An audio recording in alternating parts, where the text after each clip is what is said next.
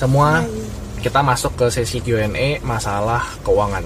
Oke? Oke, mami pertanyaan. Kenapa papi milih nomor 7? emang kenapa? Nggak boleh?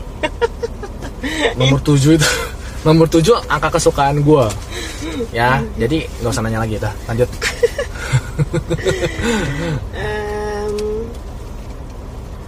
gimana menurut Koko kalau suami atau istri punya tabungan rahasia bukan untuk foya-foya tapi untuk jaga-jaga karena salah satu nggak bisa pegang uang Oke, ketika lu punya tabungan rahasia, karena lu ngejat salah satu nggak bisa pegang uang, rahasia berarti it means pasangan lu nggak tahu ya, pasangan lu nggak tahu ya. ya mungkin bisa jadi malah lu bilang udah ini udah dibuka semuanya padahal masih ada yang Heeh. lain Yang pasti satu lu dosa. Oke, lu dosa nggak jujur. Bener apa salah itu relatif. Kalau misalkan andai kata satu hari nanti eh, suami lu bangkrut, tiba-tiba lu bilang enggak pi, gue masih punya tabungan 500 miliar. Misalnya selama ini gue nabung dikit dikit dikit dikit dikit, ya itu bisa jadi bener gitu loh. Tapi ketika eh, lu akhirnya make duit itu itu untuk kepentingan lu sendiri tanpa pengetahuan suami lu itu bisa jadi salah bisa jadi salah ya menurut gue jadi gue nggak akan menghakimi di sini bener apa salah tapi yang pasti kalau lu main rahasiaan sama pasangan lu lu dosa dan dan ada konsekuensinya masing-masing. Ada konsekuensinya masing-masing. Yang tadi Papi bilang benar pun, andai kata kita kasih tahu nih eh, kita punya pas nominalnya tuh sama dengan Hmm. utangnya suami misalnya gitu kan. Mungkin satu sisi suami merasa lega, tapi sisi mungkin lain dia nggak percaya nantinya hmm, Selalu ada konsekuensi lah. Hmm, ini ini ini, ini yang gue bilang hukum tabur tuai ketika Iya. lu lakukan sesuatu lu pasti akan menuai sesuatu yaitu konsekuensi dari apa yang lu lakukan jadi gue nggak mau komentarin bener apa salahnya tapi yang pasti lu dosa ingat ya lu dosa gitu itu aja Jangan tunjuk ke aku. Oh aku ya cuma enggak ini ini tunjuk kamera nih nih lu dosa gitu karena lu berbohong sama sama pasangan lu. Oke tutup. Oke, next ya. Em, selama ini tanda kutip uang bersama. Teman bilang tanda kutip istri harus pegang duit biar laki nggak aneh-aneh. What do you think? Oke pertama itu yang kasih saran itu suaminya gimana? Itu satu pertanyaannya. Kalau suaminya itu eh, aneh-aneh ya nggak nggak nggak heran No nggak heran kalau misalnya dia kasih saran seperti itu gitu tapi menurut gua istri harus pegang duit itu relatif sih kalau misalnya memang pegang duit ketika contohnya gua kasih mami duit gitu loh. Ya sebenarnya dia punya akses untuk pakai keuangan kita gitu tapi dia juga punya punya keuangan sendiri. Dulu dulu pas baru nikah gua nggak kasih dia pegang duit sama sekali. Jadi ATM itu gue bikin expired gitu loh. Gue bikin udah lo nggak usah bawa dompet semua keuangan di gue aja gitu. Nah tapi gue berpikir juga maksudnya kayak kesian loh kalau misalnya kayak si mami tiba-tiba pengen belanja online gitu kan ya. Dia selalu minta duitnya ke gue dan gue selalu kasih. Maksudnya gue nggak pernah nggak kasih duit ke dia gitu kan. Tapi ketika dia eh, pengen ngasih surprise ke gua itu kasihan dia. Dia jadi lebih sulit banget gitu loh mau mintanya alasannya apa gitu kan. Karena kan kita punya prinsip boleh bohong ketika mau ngasih surprise gitu kan. Dia tuh jadi ngibulnya tuh ngalur ngidul gitu loh jadi semenjak dari situ kayak kadang ya gua punya duit apa ya gua transfer ke dia biar dia pegang ini beb eh, sekian kamu bebas mau pakai buat apa aja nggak masalah. Gue bilang kayak gitu. Dan gua nggak pernah tanyain beb kamu pakai duit buat apa? Kok ini bisa ini kamu? Nggak pernah sih. Jadi kalau misalkan memang karena si cewek pegang duit akhirnya si cowok jadi nggak aneh-aneh gitu. Are you sure yakin si cowok jadi nggak aneh-aneh? Menurut gua kalau emang udah mau aneh-aneh mah ya aneh-aneh aja. Mau cewek pegang duit apa nggak pegang duit mah mana ada urusan sih? Kalau memang dasarnya memang mau aneh-aneh ya nggak maksudnya kayak nggak ada urusan. Lu Mungkin mau, yang benar gini juga. istri harus pegang duit. Mana tahu lakinya aneh-aneh gitu kali ya. ya mana lah kayak aneh-aneh abis itu cerai kan maksudnya kan. Abis itu lu sendiri jadi merana ditinggal diusir dari rumah. Akhirnya lu nggak punya ngapa-ngapain kan nggak punya duit. Karena menurut gua jang, pegang duitnya itu lo harus pinter cari caranya. Ya lu bilang lah sama suami lu kalau eh, pi gua mau dong eh, bisnis online kecil-kecilan misalnya. Jadi dropship barang kesehatan atau barang make up gitu kan. Supaya apa? Punya tabungan dikit-dikit lah nih buat anak. Kalau besok-besok anak mau jajan jadi gue pegang duit nggak ngerepotin lu. Bisa kan bukan alasannya karena pi nanti lu aneh-aneh lagi bukannya kayak gitu gitu loh Menurut bisa aku, lah bisa diomongin eh, lah Keterbukaan. sih. keterbukaan penting lah termasuk yang gitu. tadi yang Mm-mm. itu ya kayaknya agak nggak apa ya kalau lu hidup terus kayak selama hidup jadi nggak tenang gitu ya kayak rasanya kayak mikulin rahasia gitu itu kan nggak tenang loh nggak Iya. enak gitu mana tahu eh, apa kita nggak tahu ya waktu Tuhan ya gitu tiba-tiba eh, nggak ada nggak sempat kasih tahu password gitu kan. Iya itu ya, ya gitulah udah lah Iya, enough lah itu enough lah. Kepanjangan sih, tapi ya itu enough lah. menurut aku kayaknya capek gitu kalau hidup tuh banyak Kalau gue sih pro-nya itu yang nggak ada rahasia sih. Kalau gue pro-nya ya. Tapi kalau kalian memang merasa mau punya rahasia karena salah satunya sifatnya itu mungkin gak bagus gitu, ya itu terserah kalian Iya, sih. Tapi ada konsekuensi Cuman sendiri itu aja. kalau misalnya memang nggak pinter terus nggak dikasih izin megang sama sekali Kapan latihannya ya? Kapan Iya. pinternya ya? Gue juga bingung gitu. Kapan pinternya Oh. gitu? Ya kita itu juga nggak pintar ngurus duit terus kita pinter berdua lah. terus siapa yang megang kalau misalnya nggak pintar ngurus duit kasih pembantu lah. Oke next Bener nggak satu dua tahun pernikahan itu masa-masa merangkak soal keuangan kecuali kayak dari lahir? Nggak bener. Enggak, karena kita sampai sekarang masih merangkak. Sedih ya. Kita masih nggak punya duit. Makanya besok gue jualan nasi beli loh. Cuman ya ini bener-bener kayak eh, perpaduan antara anugerah Tuhan sama latihan Iya. bertahun-tahun kali ya kayak puji Tuhan banget kita nggak pernah berantem soal keuangan. Kita Jadi kalau pernah misalnya pas lagi kere, ya beb kita, ketawa, kere iya, gitu. Kita kere. Ya kere lagi, kere lagi Iya, gitu. Jadi kan. kita nggak pernah gila, mempermasalahkan itu sih, gitu. Tapi bukannya nggak berarti dipikirin gitu, Ya, dipikirin. Bukan berarti nggak stres, tapi maksudnya kalau misalnya ada stres gitu. Tapi nggak pernah berantem masalah duit iya, sih. kayak terus pernah? lu gimana jadi laki nggak pernah Oh, nyari bro, bro, bro. Lu jadi bini boros sih? Nggak, kita nggak pernah kayak gitu sih, sama sekali nggak pernah mungkin boleh saya saya cobain dibikin Gitu. have, drama dibikin have fun aja. Jadi kalau misalnya gini loh, yang namanya masalah keuangan kan orang nggak bisa prediksi ya. Maksudnya ada naik, ada turun gitu loh. Menurut gua di saat turun jatuh jangan terkapar, tapi bangkit lagi. Di saat justru di saat tinggi, itulah eh, rangkulnya makin kencang rangkilnya angkur-angkul doa makin kuat gitu kan. Tapi di saat tinggi jangan sombong jangan lupa daratan. Jangan akhirnya lu foya-foya lu lu bebasin uang itu untuk dipakai apa aja. Please jangan be wise lah gitu ya. Maksudnya kayak ya mendingan lu savings atau lu investasi ke mana gitu lo reksadana mungkin gitu kan emas atau apa. Itu jangan di foya-foyain itu aja sih saran dari kita. Jadi kayak gue nggak mau komentarin masalah kemiskinan dan kekayaan itu seperti apa. Masalah tiap orang tuh pasti punya masalah keuangan itu loh. Lu nggak tahu tampilan orang di luar oh kayaknya kaya nih padahal dalamnya enggak. Padahal kayak oh tampilan tampilan luarnya nih kok miskin banget padahal ternyata di belakangnya kaya banget ya. Gini loh kekayaan itu tidak menentukan nilai hidup seseorang. Value-nya itu nggak ditentuin dari kekayaan. Karena kekayaan itu Tuhan bisa cabut seketika gitu loh. Tapi ketika core value-nya utamanya itu nilai utamanya itu seseorang itu itu yang terpenting gitu. Tuhan bisa mencabut harta seseorang sama bisa memberikan harta kepada seseorang itu tinggal semudah gitu loh. Jadi kayak core value itu yang menentukan orang ini akan bertindak seperti apa akan bereaksi seperti apa ketika nggak punya duit dan ketika punya banyak duit. Itu yang terpenting menurut gua. Itu yang harus dilatih. Oke? Oke, Selesai. next. Kok kalau udah nikah mendingan semua uang disatuin manage bareng atau sendiri-sendiri atau gabungan? Gimana kalau mendingan kasih ke gua?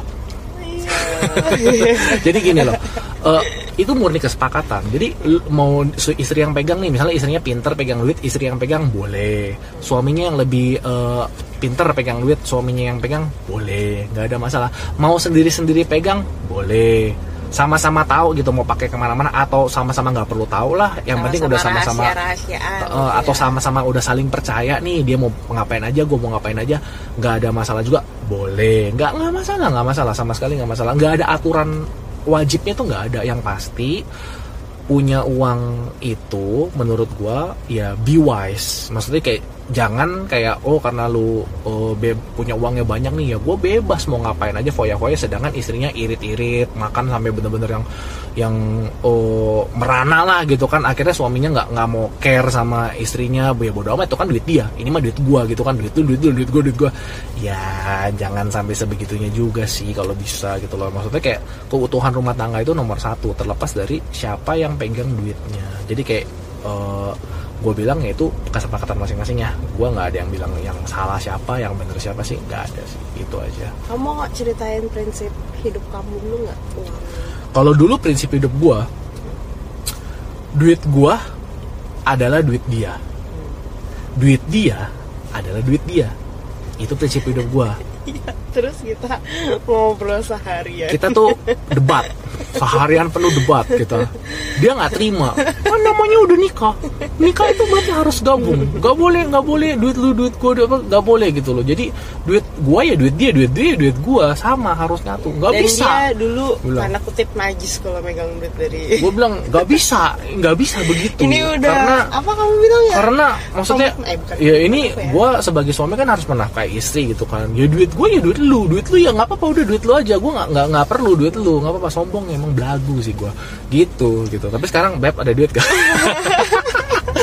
gitu tapi itu dulu prinsip gue dan gue merasa itu prinsip itu mem- mempunyai kesenjangan gitu loh. Jadi kayak si istri merasa kayak nggak dihargai sama gue nah jadi kayak menurut gue duit gue duit dia duit dia duit gue itu yang paling better sih itu yang paling oke. Jadi kayak gue mengganti pemikiran gue gue orangnya bisa berubah kok berubah in a good way ya. Maksudnya kayak ya gue bisa berubah. Ya semua juga ada andil istri bikin gue merasa gue jadi lebih baik. Karena gitu. menurut aku men, daripada suami waktu itu aku mikirnya ya ya lagi pacaran kan itu. Jadi kayak mikirnya dia nggak mau dibayarin sama sekali gitu kan. Dia nggak mau eh, pegang uang dari aku sama sekali gitu kan. Even aku mau bantu bayarin kayak kita split aja dia nggak mau. Pokoknya dia bilang kalau udah pacaran sama dia otomatis semua dia yang bayarin segala macam gitu kan. Ya menurut aku aku bilang aku pengen gitu sekali-sekali ya apa yang aku hasilkan aku bisa share ke kamu juga. Kita eh, bahagia bareng gitu loh. Maksudnya jangan sampai nanti aku ada di posisi yang aku ngerasa duit aku masih cukup karena nggak pernah dipakai untuk pengeluaran sehari-hari kan gitu. Tapi dianya yang pusing mikirin gitu kan gimana caranya eh, untuk biar ada duit biar bisa ngedate segala macam kayak gitu gitu menurut aku nggak ada gunanya dia pusing-pusing sendiri gitu. Maksudnya ya udah bagi aja gitu kan. Dan andai kata kayak aku jadi ya waktu itu aku ngambil big step. Pokoknya aku bilang aku akan sering-sering ngecek dompet dia gitu. Kayak kalau misalnya memang dianya eh, gak ada uang aku yang selipin gitu loh maksudnya kayak gitu. Kalau misalnya karena menurut aku mendingan kenapa sih gitu harus malu? Kayak dia mungkin gengsi gitu kalau ngasih tau kalau dia nggak punya duit gitu di depan aku gitu kan. Terus udah gitu gengsi lah. menurut aku mendingan nggak apa-apa kalau emang nggak ada duit tapi nanti kita misalnya kayak harus jalan sama orang lain atau double date gitu kayak gitu gimana ya? Nggak apa-apa mendingan aku selipin uang di kamu dulu maksudnya dalam mobil gitu maksudnya cuman kita berdua yang tahu gitu kan dibanding kayak nanti ke sono bingung nggak bisa bayar. Terus mau ngutang sama temennya gitu maksudnya kayak demi biar dapat muka depan ceweknya gitu nggak perlu sih menurut aku gitu. Itu nggak penting. Justru kalau dia bisa berbesar hati untuk terbuka sama aku ngasih tahu kalau keuangan dia nggak ada dan aku bisa bantu dia bukannya untuk sombong gitu tapi memang aku pengen pengen berbagi sama dia dan dan puji Tuhan kamu nggak berasa aku lebih jadi nyombongin diri kamu gitu dan kamu nggak ngerasa minder kan? Enggak enggak minder. udah lah udah, udah berlalu. Ya. jangan dibahas lagi. Ya, intinya gitu gue udah berubah pikiran lah duit dia duit gue duit gue duit dia. Udah selesai. Ya gitu. Eh aku jadi kepikiran yang tadi bilang suaminya apa kalau istri eh suami atau istri ada yang megang rahasia eh punya duit rahasia gimana gitu kan? Terus dia kayak bangga kalau dia punya rahasia. Terus ternyata suaminya juga punya rahasia gitu gimana aku ya rasa juga begitu sih. Gini banyak masalah yang gini loh. Banyak masalah yang kayak oh, orang tuanya si suami itu menuntut minta jatah gitu loh sedangkan istri nggak mau kasih. Gitu ya istrinya keberatan nih. Karena apa? Karena kondisi keuangan juga masih nggak bagus misalnya seperti itu ya. Jadi kayak banyak suami yang jadinya tuh main belakang loh. Main belakang ngasih ke orang tuanya sendiri gitu loh. Nah menurut gua itu perlu komunikasi juga sih. Salah apa bener gua nggak mau komentarin gitu ya. Jadi kayak ya itu kesepakatan aja sih gitu. Jangan sampai kayak ada rahasia rahasiaan lah nggak enak lah. Hidupnya tuh nggak tenang. Lanjut. Oke. Kok gimana sikap kita kalau gaji suami jauh di bawah istri? Hehe nggak sombong sih kok tapi congkak. Congkak kamu congkak congkak congkak. Sombong gitu kan. Eh, menurut gua nggak apa-apa. Menurut gua. Tapi nggak apa-apanya itu eh, seiring dengan respon lu gimana. Reaksi lu gimana gitu loh. Kalau respon lu itu kayak nyonya besar yang belagu banget petantang petenteng nentengin nentengin belanjaan gitu Zara bla bla bla bla gitu kan. Lu bikin suami lu jadi kayak makin makin minder. gitu makin tutup muka gitu loh berasanya gitu. Be wise lah maksudnya kayak kalau misalnya memang gaji lu itu lebih besar karena mungkin lu kerja udah 50 tahun gitu ya atau udah kerjanya udah lama gitu loh misalnya. Kerjanya udah lama sekali atau suami lu baru ganti kerjaan atau baru buka usaha. Wajar sih ya nggak baik wajar gitu. Tapi kayak kita harus tahu karakter suami kita gimana so, suami lu tuh karakternya tuh gimana? Minderan apa enggak? Atau orang yang uh, tertantang. Kalau misalnya lu itu merasa gajinya lebih besar dianya tertantang untuk lebih semangat lagi. Itu gimana? Ada ada orang gini loh. Ketika lu ngasih unjuk kalau gue hebat misalnya si istri hebat gitu suaminya malah makin ngedown malah makin minder. Ya udahlah lu kan hebat lu aja kerja cari duit. Gue urus rumah lah gue di rumah lah. Ada yang kayak gitu. Rumah tangga yang harmonis? Enggak. Ada istri yang kayak gini loh suaminya gajinya kecil. Istrinya nih pi gaji gue aja lebih gede daripada lu. Lu gimana sih? Lu cari kerja dong. Lebih lebih ini dong. Terus akhirnya si suami tertantang gitu loh kan akhirnya dia lebih mati-matian lebih cari kerja lebih cari duit lagi lebih banyak lagi duitnya. Habis lebih banyak duitnya kan waktu lu berkurang nih sama dia nih. Terus pertanyaannya rumah tangga lu harmonis gak gitu loh. Kalau rumah tangga lu akhirnya jadi nggak harmonis nanti dia lu komplain gitu kan. Terus dia bakal bilang lah lu kan nantang gua. Lu mau minta gua supaya kerja lebih giat supaya duitnya lebih banyak. Sekarang duit gua udah lebih banyak. Resikonya apa? Ya waktunya pasti berkurang. Bisa jadi ditinggalin. Bisa jadi nanti lu ditinggalin ke cewek yang lain ya yang Unos lebih ya. bisa ngehargain dia Unos ya gua nggak tahu. Gitu yang masih gini loh. Segala tindakan lu itu pasti ada buntutnya itu yang gue sebut konsekuensinya. Ada resikonya. Jadi ketika ketika lu mau menyombongkan diri lu di depan eh, suami lu please be wise. Harus pikirin dulu efek jangka panjangnya itu apa. Jangan sampai ketika lu merasa kayak jumawa gitu ya wah besar kepala gitu ya suami lu malah terluka tapi ketika lu walaupun dengan gaji besar lu itu lu tetap bisa menghargai suami lu. Lu tetap nggak berubah sifatnya sikapnya tuh nggak berubah ke suami lu. Justru gua rasa nggak ada alasan buat dia jadi minder sama lu sih gitu loh. Justru bagus maksud gua eh, keuangan keluarganya jadi udah lebih secure gitu ya lebih ke handle dengan lu punya punya keuangan yang lebih baik gitu. Tapi di garis bawain memang banyak nih suami-suami yang ketika istrinya itu kerjanya udah lebih bagus duitnya lebih banyak suaminya itu jadi males. Gua rasa gua rasa ya ada andil dari istrinya itu sombong. Jadi tuh suaminya tuh jadi kayak minder cenderung males gitu loh kayak ya udah lu kan merasa lu lebih hebat.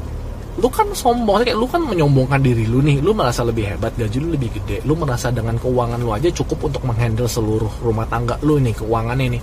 Ya lu aja yang kerja ngapain gua lagi kerja? Gitu loh. Lu cuman bisa jelek-jelekin gua doang. Ya lu merasa duit lu banyak? Ya lu aja yang kerja. Bisa nggak? Bisa. Banyak yang kayak gitu. Banyak justru. Si cowok jadi malah tambah minder. Ya cukup lah. Itu kurang lebih kayak kalau gitu lah. menurut aku em, karena suami dan istri sudah satu ya jadi menurut aku sebenarnya kalau istrinya itu keuangannya lebih tinggi dari suami sebenarnya nggak apa-apa. Ini agak janggal sih kalau aku yang ngomong karena posisi aku cewek gitu kan. Cuman kayaknya mungkin bisa dikomunikasikan sih. Maksudnya coba tanya ke suami gimana dianya itu eh, tersinggung nggak? Iya. please jangan tersinggung karena em, sebenarnya bisa jadi ya namanya sudah satu keuangan otomatis kan jadi satu. Ya Tuhan udah ngeliat ya memang kalian itu satu gitu kan. Jadi andai kata Tuhan mau kasih berkat dan berkat itu datangnya dari istri masa kah kita harus menolak berkat harus dari suami aja gitu. Maksudnya kayak Betul. memang dia kepala keluarga gitu. Cuman istri kan ada untuk sebagai penolong kan dan ketika istrinya itu Tuhan kasih berkat lebih dan ada untuk menolong si suami maksudnya toh ya jangan jangan toh ini dipakai bareng-bareng gitu. Maksudnya kayak jangan dianggap langsung jadi saingan oh kok lu lebih besar daripada gue nggak bisa dong gue harus kayak gini lagi atau apa. Mau untuk jadi motivasi yang positif boleh gitu tapi harus ingat lagi karena kita sudah jadi satu jadi ya Sama. ya anggap aja itu emang ke- keuangan kita bareng Iya, ya berkat yang lebih gitu ya bareng. ya untuk di- dipakai dengan sebijak mungkin penghasilan gitu. si istri sama penghasilan si suami ya digabung jadi satu aja gitu Iya, loh jadi uangnya uang sih, bareng itu paling wise nggak lah apa gitu maksudnya ya kita pintar-pintar ya si istri untuk komunikasi ini ke suami dan aja. andai kata andai kata suami bilang "Eh, sorry tapi aku nggak bisa aku tersinggung kalau eh, istri itu lebih eh, tinggi gajinya dari suami dan kita harus resign resign lah. Kenapa? Karena dia kepala keluarga. Emang karena dia yang suruh ya lakukan. Ini ini yang gue sebut gitu. tunduk secara sadar. Tunduk secara sadar. Itu penting loh gitu loh. Tapi ntar eh, gimana keuangan gitu oh nggak apa-apa. Itu konsekuensi yang suami sudah ambil. Andai kata ternyata konsekuensinya salah jalanin bareng. Andai kata akhirnya jadi nggak punya duit andai kata jadi kayak berantakan jangan sampai lu salahin suami yang Iya. Tuhan apa gue bilang? gitu. goblok lu. Bla, bla, bla." jangan kayak Jangan gitu gitu. juga, jangan jangan iya. jangan begitu jangan. ya anggaplah ini sebagai cobaan selanjutnya. Challenge baru lah, tantangan suami baru. pun maksudnya bisa belajar oh iya ternyata nggak ada salahnya loh kalau uang dari istri lebih banyak bisa ada something yang bisa dipelajarin lah. Untuk- ya ya jangan jadi ajang salah-salahan tuh Ya. gitu gini sekarang udah nggak bisa balik lagi nih. Sekarang kita kelilit utang atau gue. Nggak apa-apa jalanin aja gitu. Anggap sebagai cobaan rintangan untuk naik lagi levelnya gitu kan. Gimana caranya cari jalan keluar. Karena aku yakin ketika Tuhan udah kasih dan dia nggak akan bisa ada yang dihalangin dan andai kata memang Tuhan mau kasih nggak harus lewat dari sana gitu. Dan bisa dari mana aja lah. kita resign pun amit-amit resign gitu ya udah nggak dapat masukan utama yang mungkin jumlahnya lebih besar tapi eh, apa ya semata-mata hanya untuk supaya suami nggak tersinggung menurut aku ya Tuhan ngelihat itu sih. Tapi gitu, kan ada sisi aku. positifnya juga beb kalau dia resign. Waktunya lebih banyak buat suami waktunya lebih banyak buat anak dan lu nggak harus kerja eh, di kantor kok maksudnya kayak lu bisa jadi punya online shop mungkin atau buka usaha yang lain coba introspeksi gitu. diri mana tahu suami tuh suruh resign dia nggak mau gajinya lebih tinggi bukan Karena- karena, ya. tersinggung tapi tapi, wak- karena waktunya nggak ada dia ngerasa gitu kita lah. benar-benar udah nggak ada waktu buat dia ada dan dia waktu. nggak suka itu mungkin, Mungkin ya, gitu. mungkin ya. Ini makanya harus aja. ada komunikasi yang Ya. benar-benar terbuka yang benar-benar transparan Ya. keluarin unek-uneknya apa perasaannya sampai seininya gitu kayak it's okay kan tuh kayak kamu jawab yang jujur ya kamu tersinggung nggak sebenarnya kalau kayak gini? Kalau misalnya memang kamu tersinggung nggak apa-apa aku siap untuk resign gini, gini, gini, kayak gitu. Heart to heart lah gitu quality time untuk untuk kasih tahu. Menurut aku malah itu jadi bagus untuk bikin lebih dalam lagi hubungannya. Pulih ya Lebih hubungannya erat. jadi jadi pulih malah kalau lebih yang ada, solid eh, gitu. lebih menurut solid. aku jadi malah nggak apa-apa sih kalau memang ada masalah seperti itu ya. Itu waktu yang tepat untuk komunikasiin karena memang masalah uang itu sensitif tapi kalau untuk pasangan yang bisa ngelewatin masa sensitif untuk ngomongin uang menurut aku itu eh, udah improve jauh banget Big sih step gitu big iya step. menurut aku hubungannya itu malah makin harmonis ya, Iya, makin benar. solid gitu untuk semuanya diterbukain gitu andai kata kita mau ini diomongin bareng-bareng kayak kita sekarang lagi struggle masalah keuangan tapi kayak kita malah kadang suka ngobrolin kayak cita-cita kita pengen pernah pengen bikin apa pengen ngapain gitu kan. Dan kita berkomitmen gitu kan kalau memang ada rejeki yang Tuhan kasih ada berkat dari Tuhan mau satu-satu dicobain mau satu-satu dijalanin gitu kan. Mimpi yang tertunda cita-cita kita yang tertunda kayak gitu yang kayak oke yang mana dulu yang mau kita jalanin? kayak gitu-gitu ngobrol kayak gitu malah lebih ini ya dan ya. ki- kita tuh eh, maruk orangnya. Mimpinya tuh banyak gitu. Iya. jadi kayak berasa oke nggak apa-apa umur udah tua nggak apa-apa gitu ya. Kejarlah Oh, tadi satu ada yang nanya tuh, ada ya? kayak gitu. ada yang nanya ya? Ada yang nanya tadi. Sekalian Aku- dijawab nih. iya bentar ya aku cari dulu pertanyaannya. Kalau nggak salah umur udah pala oh iya empat. pengen kerja tapi mengingat umur yang udah kepala empat rasanya jadi minder duluan. Iya, gua kasih tahu. KFC itu bisa sampai sekarang ini ditemuin dia umur berapa? Umur 65 tahun, coy. Gitu loh. Kalau orang yang umur 65 tahun aja maksudnya kayak masih punya daya semangat juang, kenapa lu umur kepala 4 udah minder? Apalagi kalau sorry lu utuh ya badannya ya maksudnya kayak nggak cacat gitu ya nggak ada nggak ada yang yang eh, bukan difabel gitu malah justru saudara-saudara kita yang difabel aja punya semangat juang yang lebih kuat gila gue salut banget justru gitu loh justru kalian jangan jangan jangan jadi minder dong. Justru harus jadi semangat dong. Lihat saudara-saudara kita yang yang difabel punya pu- dia menyalurkan talentanya gitu kan. Punya semangat daya hidup juang yang luar biasa. Gue tuh kadang suka suka berkaca sama diri gue sendiri. Gila gue tuh bukan difabel gitu kan. Gue masih masih bisa berjuang dengan sekuat tenaga ya gue harus semangat gitu loh. Justru kita harus meniru daya juang mereka yang luar biasa hebat sekali gitu kan salut banget gitu. Jadi jangan minder. Mau buka usaha apa? Jalanin aja dulu gitu loh. Pikirin matang-matang ya jalanin dulu lihat peluangnya. Mau jualan apa pun juga nggak masalah menurut gua selama itu halal ya selama halal ya. Jangan yang haram gitu loh. Kalau misalnya memang lu makan duit haram ya jalannya nanti buntu gitu loh. Malah konsekuensinya besar. Selama duitnya itu halal nggak masalah. Lu jalanin aja. Lu mau buka apa pun deh mau umur berapapun nggak. Emang ada undang-undangnya orang yang boleh buka bisnis itu cuman umur sekian umur umur 20 doang umur 30 Justru orang-orang yang akhirnya udah pensiun pun malah akhirnya jadi buka bisnis. Gak kan? ada kok. Lu mau umur 80 baru jadi artis juga kagak kenapa-napa kok. Gitu loh. Mau umur 90 baru jadi YouTuber boleh. Gak ada nggak ada yang larang sama sekali. Jadi kayak gak ada, gak ada, gak ada batasan menurut gua. Gak Tapi ada batasan. memang resikonya udah makin tinggi umurnya, Tinggi. makin takut. karena Gitu kebutuhan aja. itu kan makin banyak ya gitu yang kan. yang biaya yang pengeluaran yang per bulan Yang yang, utamanya, pasti iya. itu emang lebih banyak jadi pasti kita ragu gitu kan nanti kalau gagal gimana lebih banyak pikiran gitu ini ada. Nggak apa-apa nambahan satu lagi nih pertanyaan Hmm. Mending ngumpulin uang dulu buat beli impian rumah mobil usaha DLL atau punya anak dulu aja Oke. Impian lo itu rumah, mobil, sekian gitu ya. Eh, Menurut gua itu bukan impian kali ya. Merasa itu penyusutan, Bro, sis. mobil gitu kan segala macam. Menurut gua kalau lu mau punya impian itu kalau bisa impiannya itu yang menghasilkan lagi gitu loh. Impiannya itu jangan yang oke cita-cita gua untuk beli PS4 misalnya. Udah kebeli udah selesai gitu kan. Ngabisin waktu iya gitu kan. Menurut gue jangan jangan kayak gitu. Impian lu tuh buat beli mobil yang mewah gini-gini. Tapi keuangan utamanya goncang. Jangan jangan seperti itu gitu. Jadi kayak impian lu misalnya cita-citanya mau jadi artis yang akan menghasilkan uang lagi boleh boleh diiniin gitu loh. Nah impian sama anak siapa duluan yang lebih penting?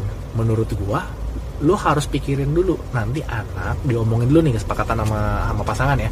Nanti anak ketika udah nongol nih oe oe itu mau diurus sama siapa?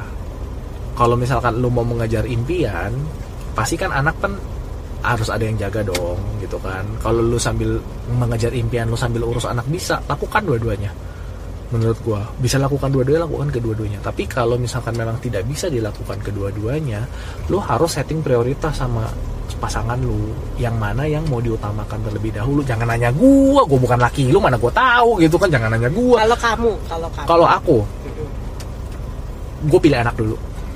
Why? Why? Kondisi fisik seseorang bisa ber- bisa turun. Gue lihat istri gue eh, umurnya sama sama gue kalau kalau ini suami ya kalau suami punya istri yang 10 tahun lebih muda gitu misalnya ya. Suaminya umur 30 umurnya su- istrinya umur 20 lu mau kejar impian dulu silakan. Nggak masalah. Kenapa? Karena kalau ketika seorang istri umurnya itu bertambah lebih misalnya se- sebutlah umur eh, 29 28 itu baru punya anak satu misalnya. Semakin nambah lagi umurnya resiko berbagai eh, sakit lah kesehatannya menurun itu lebih tinggi dan nanti si anak itu beresiko bisa kenapa kenapa itu bisa lebih tinggi gitu maksudnya chance-nya gitu. Tapi eh, harus tetap didoakan supaya sehat-sehat segala macam. Tapi kalau disuruh pilih gue pilih anak atau pilih impian gue dulu? Gue pilih anak. Kenapa?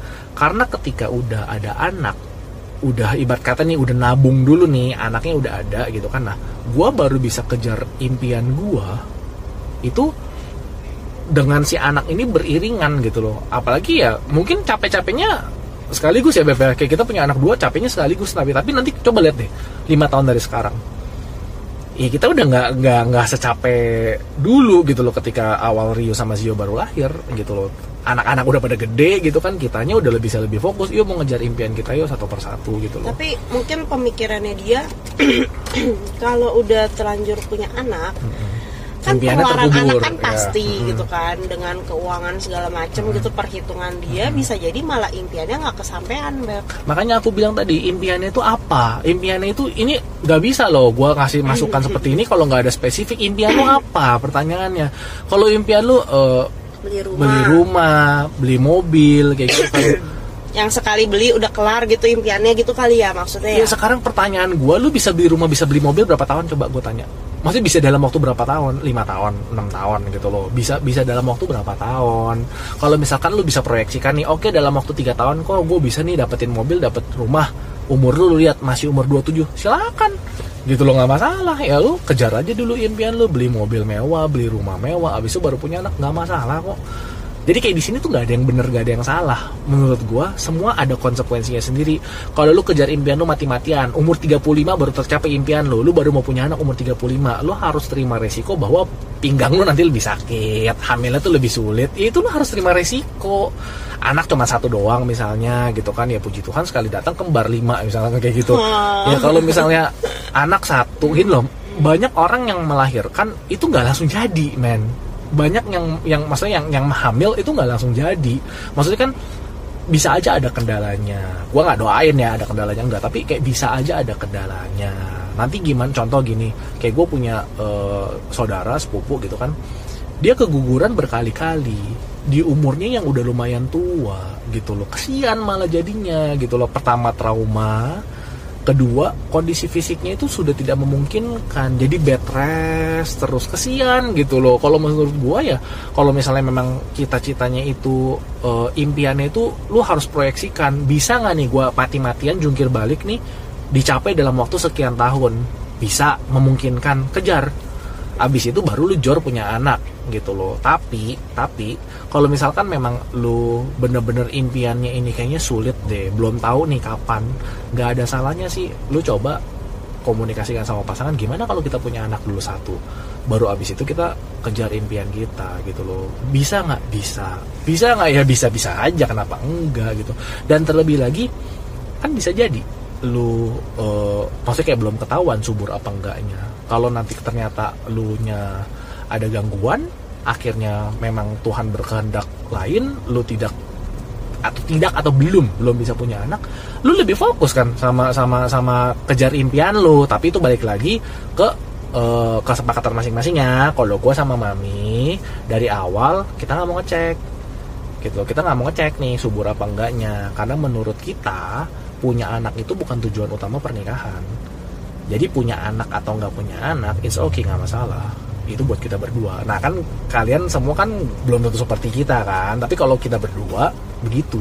Jadi kita nggak mau ngecek gitu loh. Jadi kayak ya udah kalau gua nggak subur emang kenapa? Kalau mami nggak subur emang kenapa nggak masalah kok? Kita tetap nikah kok. Nggak akan gue ceraiin lu ya karena lu nggak bisa punya anak. Ya enggak enggak enggak ada yang kayak gitu. Tapi itu balik lagi nih murni kesepakatan gitu loh dulu waktu kita kerja mati-matian ada yang bilang gitu loh eh kamu tuh harus ngecek dulu salah kamu nggak ngecek katanya kamu harus ngecek dulu kalau kamu ngecek udah ketahuan misalnya nggak bisa punya anak loh kan kamu kan jadi punya planning berbeda nanti uh, ke masa depan kamu. Ke pas gitu kita pikir iya bener juga sih ya gitu kan. Waktu itu kita mikir bener juga. Jadi galau lagi. Iya galau kita sempat galau. Iya bener juga sih kan kita punya rencana A B C D E gitu kan. Kalau misalnya memang udah nggak bisa punya anak kayak ngapain takut-takut gitu kan hajar aja tuh.